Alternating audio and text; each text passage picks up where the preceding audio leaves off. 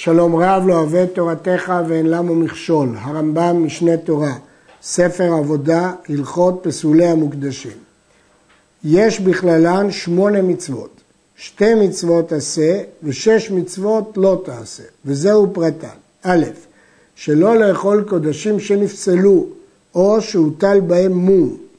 מה פירוש שהוטל בהם מום? הרמב"ם בספר המצוות מסביר שהוטל בהם מום בכוונה, למרות שיש ראשונים שמקשים עליו, אם כן זה קנס חכמים ולא צריך למנות את זה כמצווה. אבל הרמב"ם בספר המצוות מצצט ספרי בפרשת ראה, שדורש את זה מן הפסוק לא תאכל כל תועבה. ב' שלא לאכול פיגול. ג' שלא יותיר קודשים אחר זמנם.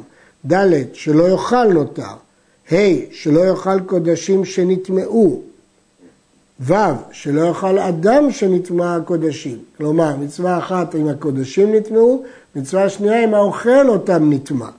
ז', לשרוף הנותר. ח', לשרוף הטמא. וביאור מצוות אלו בפרקים אלו. פרק א', כפי שמשמע מן הכותרת ומרשימת המצוות, ההלכות האלה יעסקו בקודשים שנפסלו מכל מיני סיבות, מומים, פיגול, נותר, טמא וכדומה. כל הפסולים לעבודה מותרים לשחוט קודשים לכתחילה, ואפילו קודשי קדשים. כפי שמשתמע כאן, השחיטה היא לא חלק מהעבודה. יש דין שהזבח יישחט, אבל השחיטה עצמה היא כשרה. אנחנו נראה לקמן שלדברים מסוימים השחיטה היא כן עבודה, לגבי פיגול וכדומה, אבל לגבי פסולים לעבודה הם מותרים לשחוט. חוץ מן הטמא, שאינו שוחט לכתחילה, ואף על פי שהוא חוץ לעזרה ופשט ידו ושחט בעזרה, גזירה שמה ייגע בבשר. ודאי שטמא אסור לו להיכנס בעזרה, ושוחטים רק בעזרה, אלא שהוא שיט את ידו, ולמרות שביאה במקצת שמה ביאה לדעת הרמב"ם, זה בסכין ארוכה, והצליח לשחוט בתוך העזרה, גם כן לכתחילה לא עושים את זה, גזירה שמא ייגע בבשר ויטמא אותו. ואם עבר ושחט, הזבח כשר, כי כל זה הוא רק דין לכתחילה ולא בדיעבד. ובכן הרמב"ם כתב פה דין של בדיעבד. וכן פר כהן גדול של יום הכיפורים, אף על פי שנאמר בו ושחט אהרון, אז לכאורה פה יש דין שדווקא אהרון ישחט, אם שחטו זר כשר, גם כאן אם שחטת את זר כשר. הרמב"ם כותב בלשון של בדיעבד, ונחלקו המפרשים האם כוונת הרמב"ם לפסול לכתחילה זר בכהן גדול, או שזה לאו דווקא. אף פרה אדומה ששחטה זר כשרה, שאין לך שחיטה שפסולה בזר. זאת מחלוקת המוראים בגמרא, לפי דעת הסמ"ג, פרה אדומה ששחטה זר פסולה, אבל הרמב"ם הכריע שגם פר כהן גדול וגם פרה אדומה ששחטם זר כשרים. השוחט את הקודשים ולא נתכוון לשחיטה, אלא כמתעסק, הרי אלו פסולים עד שהתכוון לשחיטה. ברור לפי הרמב"ם שמתעסק הכוונה כשהוא לא מתכוון לשחיטה. רש"י אומר כשהוא מתכוון להגביה את הסכין ובכלל לא התכוון לפעילת חיתוך. תוספות אומר שהוא התכוון לפעילת חיתוך, אבל לא לשחיטה. ויש שרצו לפרש שהכוונה שהוא התכוון לשחיטת חולין ולא לשחיטת קודשים. אבל מהרמב"ם מפורש פה שמתעסק, הכוונה שהוא לא התכוון לשחיטה בכלל, כמו שיטת רש"י, שהוא התכוון לחיתוך ולא לשחיטה. ולא ישחוט שני ראשים כאחד בקודשים, ואם שחט, הרי אלו כשרים. לכתחילה כתוב ליצונכם תזבחו אחד ולא שניים. אבל זה רק לכתחילה ולא בדיעבד. כי יש לנו כלל שכדי שדבר יהיה פסול גם בדיעבד צריך לכתוב פעמיים בקודשים. אבל שניים שוחטים בהמה אחת בקודשים כחולין. כמו שבחולין שניים יכולים לשחוט בהמה אחת, גם בקודשים שניים יכולים לשחוט בהמה אחת.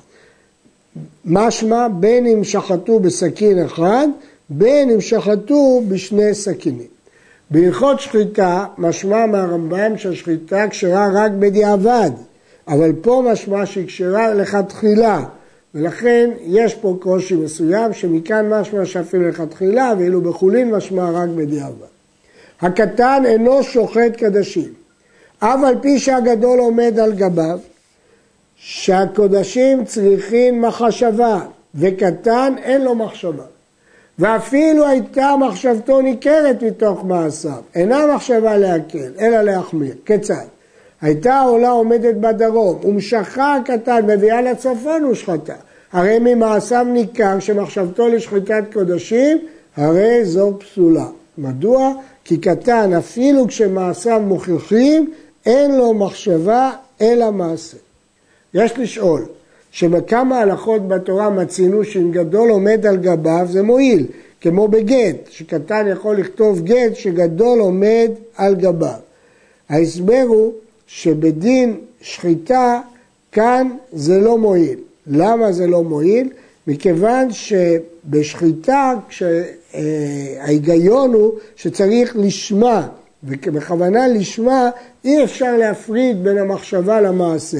לכן אי אפשר שהגדול יחשוב והקטן יעשה. לכן בגט אמנם זה מועיל, אבל בשחיטת קודשים לא מועיל כשגדול עומד על גביו. קודשי קודשים שנשחטו בדרום או שנתקבל דמם בדרום פסולים. הדין הוא במשנה בזרחים, קודשי קודשים שחיטתם בצפון וקיבול דמן בכלי שרת בצפון, ואם קיבל בדרום פסול. היה עומד בדרום והושיט ידו לצפון ושחט, שחיטתו כשרה. היה עומד בדרום והושיט ידו וקיבל אדם בצפון, קבלתו פסולה. בשחיטה לא אכפת לי שהזובח נמצא לא במקום, בדרום, העיקר שהזביחה נמצאת במקום בצפון. מה שאין כן בקבלה, שהקבלה עצמה חייבת להיות בצפון, גם פעולת הקבלה וגם המקבל חייב לעמוד בצפון. הגמרא בזבחים לומדת את זאת מן הפסוק, ושחט אותו על ירך המזבח צפונה. אותו בצפון ואין שוחט בצפון, אפילו שהשוחט לא עומד בצפון. המקבל בצפון, אבל המקבל חייב לעמוד בצפון. הכניס ראשו ורובו לצפון, הרי הוא כעומד בצפון. בכל התורה כולה, ההלכה היא שרובו ככולו. ערוך השולחן מסתפק אם הוא הכניס את הגוף בלי הראש, האם זה יועיל. שחטה בצפון ופרקסה ויצאת לדרום. אפילו הוציאה לדרום כשרה. כלומר, אם הוא שחט בצפון והבהמה ברחה אחר כך לדרום בצורה שהיא מפרכסת אחרי השחיטה, ואפילו הוא הוציאה לדרום כשרה. פרקסה ויצאת לדרום וחזרה לצפון ואחר כך קיבל דמה בצפון, כשרה. כי הקבלה חייבת להיות בצפון. וכן קדשים קלים שהיו בפנים ועמד חוץ לעזרה והכניס ידו לפנים ושחטן, שחיטתו כשרה. כתוב בפסוק ושחט את בן המכר לפני השם. בן הבקר צריך לעמוד לפני השם, ולא השוחט לפני השם. כלומר, לגבי קודשי קודשים אמרנו את הדין הזה לגבי צפון, כי קודשי קודשים נשחטים בצפון. לגבי קודשים קלים הם לא צריכים להישחט בצפון, אבל הם צריכים להישחט בעזרה. ולכן אה, השחיטה צריכה להיות בעזרה, אבל השוחט לא חייב להיות בעזרה. הכניס ידו וקיבל, קבלתו פסולה. כמו שאמרנו בקודשי קודשים, שהקבלה צריכה להיות בצפון, גם הקבלת אדם וגם מקבל אדם צריך לעמוד בצפון, גם לגבי קודשים קלים, גם קבלת אדם צריכה להיות באזהרה וגם המקבל צריך לעמוד באזהרה. הכניס ידו וקיבל קבלתו פסולה, אפילו הכניס ראשו ורובו. אפילו היה עובד כולו בפנים וציציתו בחוץ, עבודתו פסולה, שנאמר בבואם אל אוהל, בבואכם אל אוהל מועד, עד שיבואו כולם. כלומר, כאן זה לא כמו שאמרנו בצפון שרובו ככולו, פה לגבי העזרה הדין הוא שיעמוד כולו בפנים בלי יוצא מן הכלל. פרקסה הבהמה ויצאת לחוץ אחר קבלת דמה, כשרה. שאפילו יצאו ההימורים והבשר קודם זריקה בקודשים קלים, הזבח כשר כמו שהתבאר. אנחנו נלמד בהמשך שהזבח כשר, כיוון שאדם מתקשה, מתקדש כבר על ידי השחיטה, אבל ההימורים מתקדשים בזריקה. לכן אומר הרמב"ם, שאם אה, ההימורים יצאו והבשר קודם זריקה, הזבח כשר. הייתה הבהמה כולה בפנים ורגלה בחוץ ושחט, הזבח פסול, שנאמר והביאום להשם עד שתהיה כולה בפנים. כל הבהמה צריכה להיות בפנים. שחטה והיא כולה בפנים, ואחר כך הוציאה הרגלה לחוץ. עכשיו יש בעיה, מה הבעיה?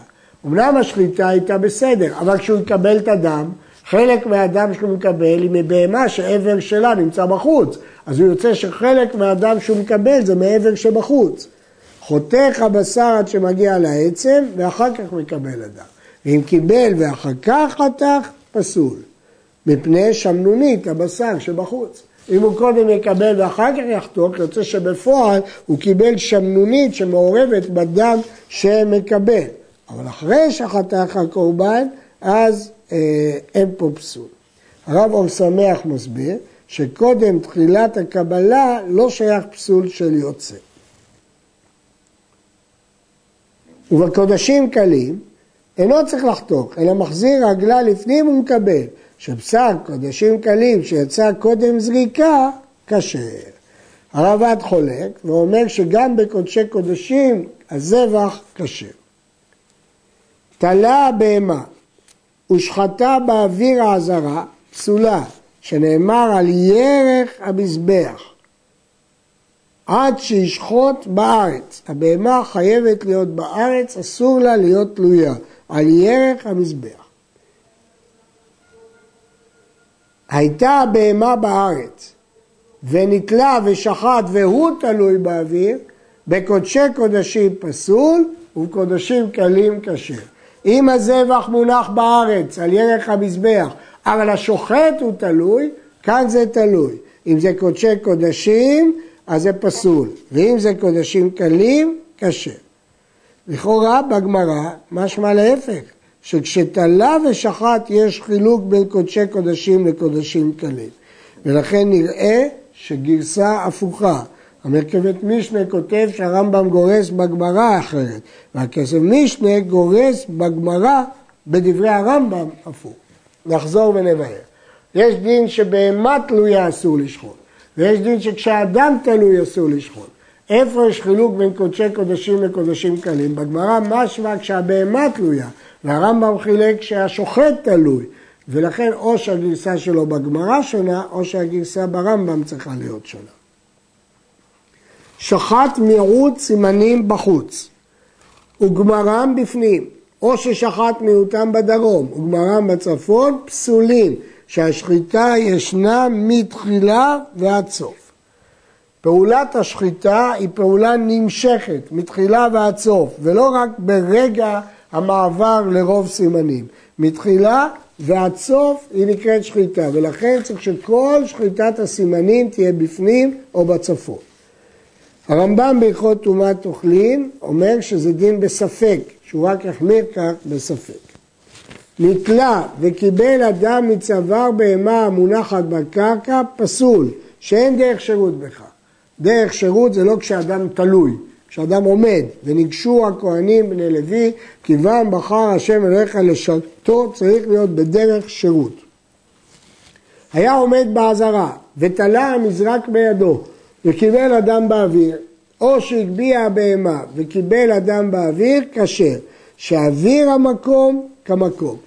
הכוונה היא, אני צריך לקבל בעזרה, או בקודשי קודשים בצפון, אז אולי, אולי האוויר זה לא צפון. אומר הרמב"ם, לא, האוויר הוא כאילו השטח שתחתיו. כיוון שהשטח תחתיו זה עזרה, או צפון, אז גם האוויר של עזרה כעזרה, וגם האוויר של הצפון כאילו קיבל בצפון. נתן מזרק לתוך מזרק וקיבל כשר. לכאורה כשר, יש פה חציצה, מין במינו אינו חוצץ. הניח סיב בתוך המזרק וקיבל, כשר, מפני שהסיב חלול, והרי הדם יורד לתוך המזרק, ואין כאן חציצה. הדם מחלחל, עובר דרך הסיב, ויורד למזרק, לכן אין בעיה.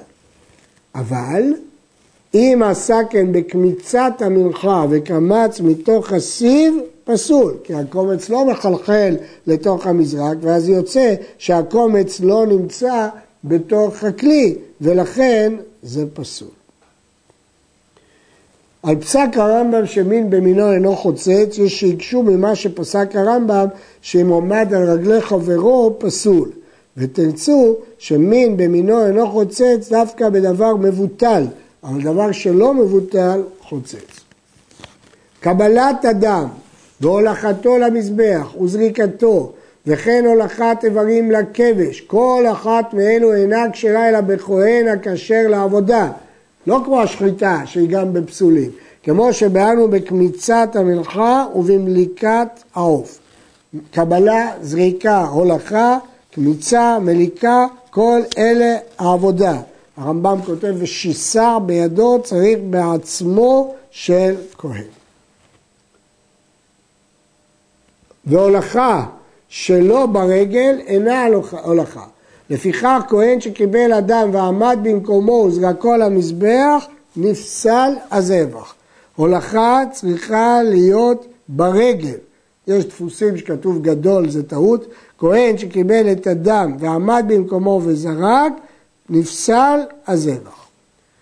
יש כאלה שאומרים שכל זה אם הוא קיבל במרחק וזרק, אבל אם הוא עמד קרוב ולא צריך בכלל לא ללכת ולא לזרוק, זה כשר, אבל מלשון הרמב"ם משמע שבכל מקרה פסול.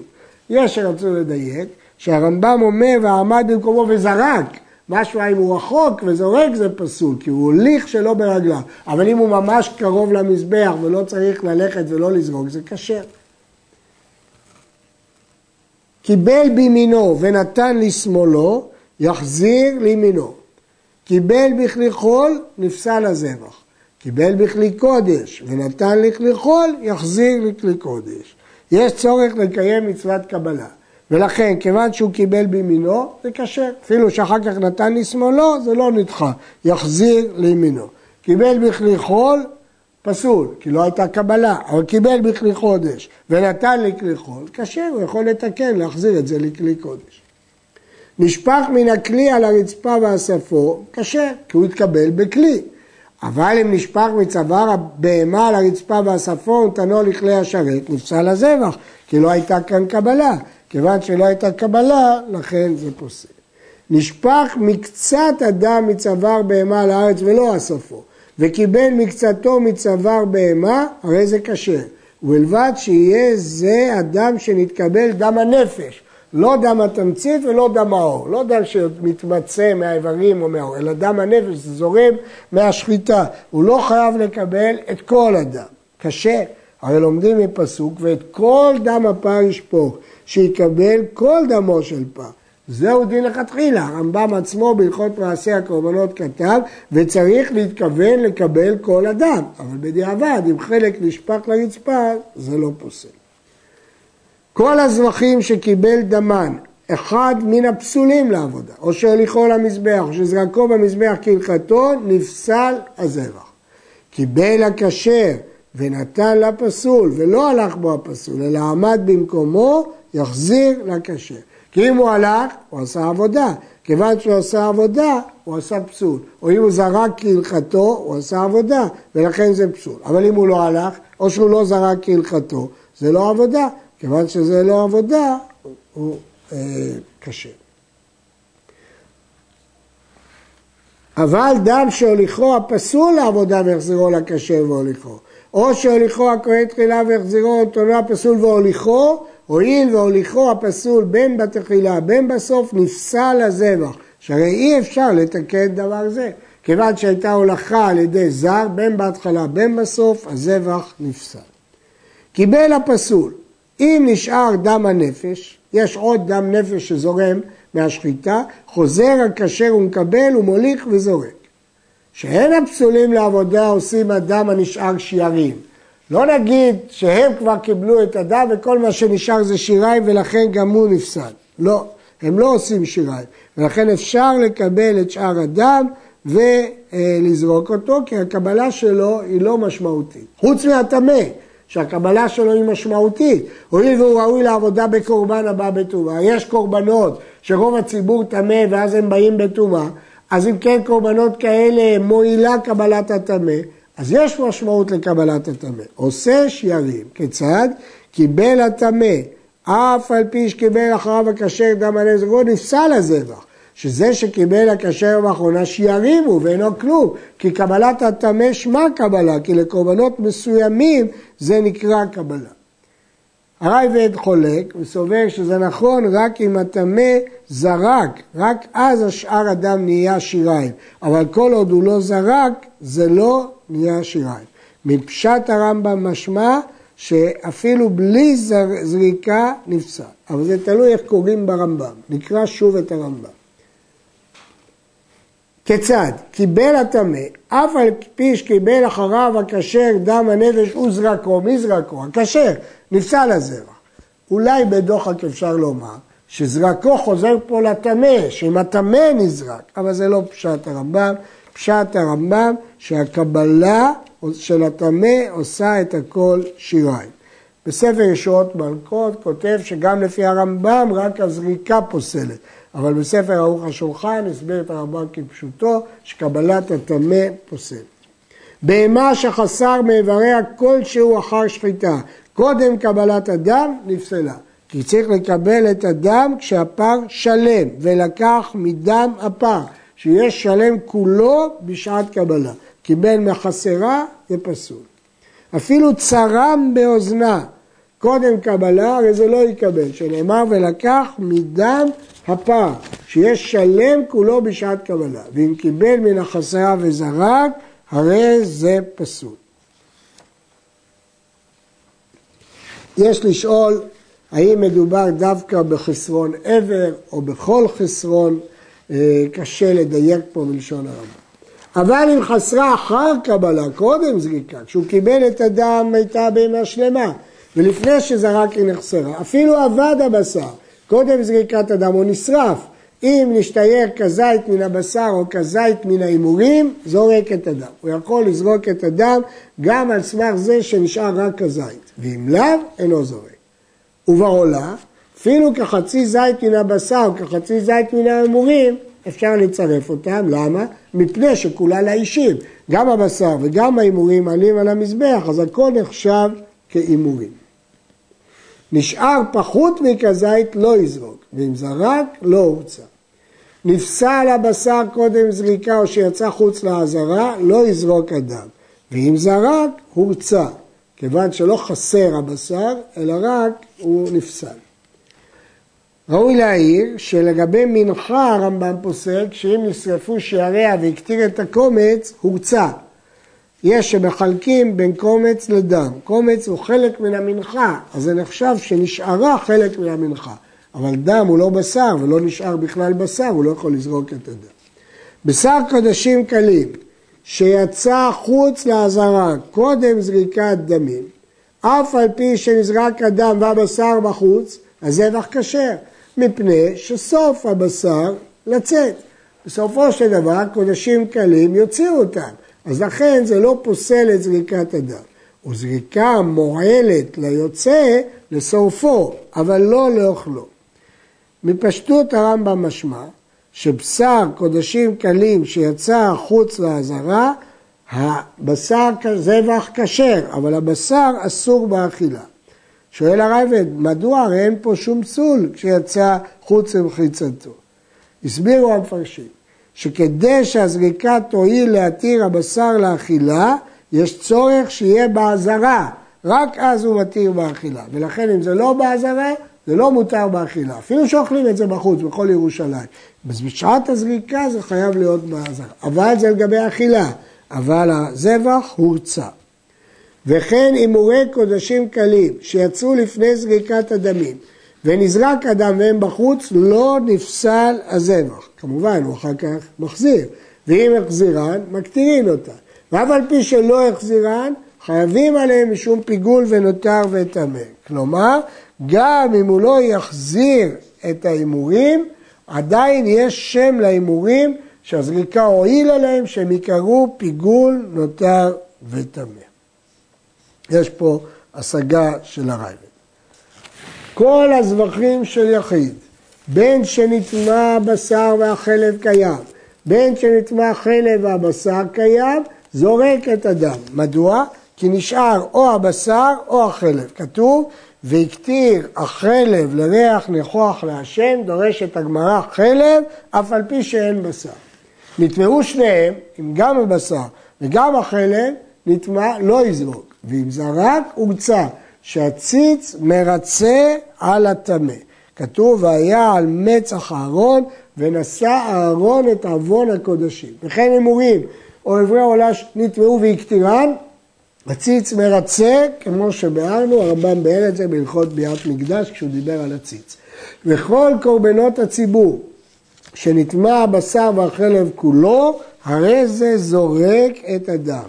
הדין הוא שטומאה הותרה בציבור, ולכן הציץ מרצה, ובכל מקרה, ולכן הוא יכול לזרוק את הדם.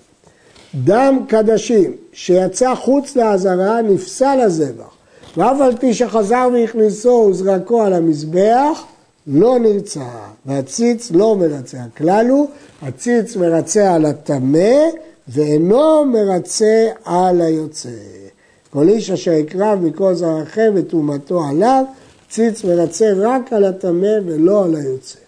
וכל דם הקודשים אינו מקבל טומאה כלל, שנאמר בדם על הארץ ישפכנו כמים.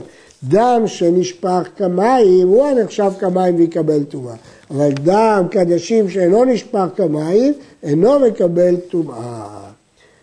ההלכה הזאת היא הלכה מדברי קבלה, שדם קודשים לא נטמע. משקה בית נטבחיה דחן. ודם ששקעה עליו חמה ולא נזרק, נפסל הזבח.